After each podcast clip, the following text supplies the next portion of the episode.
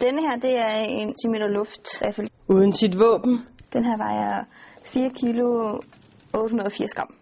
ja, så er en skytte ikke meget værd. Altså vores våben er, er meget specielt, og, og det skal vi i hvert fald vise, og vi har våbenpapirer, når vi rejser for at se, at det er vores. Til gengæld kræver det en hel del, når for eksempel riffelskytten Stine Nielsen rejser ud i verden med sine våben for at deltage i konkurrencer. Men så har vi et våbenpas, så vi kan se, at det er os.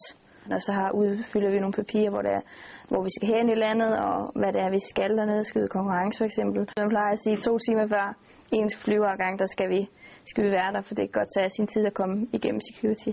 Og så er det vigtigt, at skytterne ved, hvordan de undgår uheld undervejs. Vi plejer at, at tage sigtemidlerne af, så de ikke øh, bliver skadet. Og så plejer vi at, at løsne luftbeholderen, så der ikke er noget tryk på.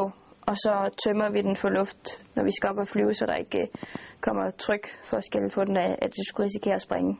Men en ting er tid og sikkerhed, noget helt andet er vægt. Når jeg skyder både 10 meter og 50 meter, så har jeg en stor rejsekuffert til rifler, hvor jeg har dem begge to i, så, den kommer til at veje rimelig meget. Men så også min, min skydetaske, hvor jeg har alt øh, mit udstyr, som jeg har noget af det på nu. Det kommer også til at, at veje rigtig meget, og ens ammunition er i den taske. Når jeg er ude at skyde meget og med begge rifler, så kan den hurtigt komme at veje over 30 kilo, hvis jeg har alt udstyr med. Ikke desto mindre er der vist ikke noget alternativ, når skytten først har kastet sin kærlighed på skydesporten.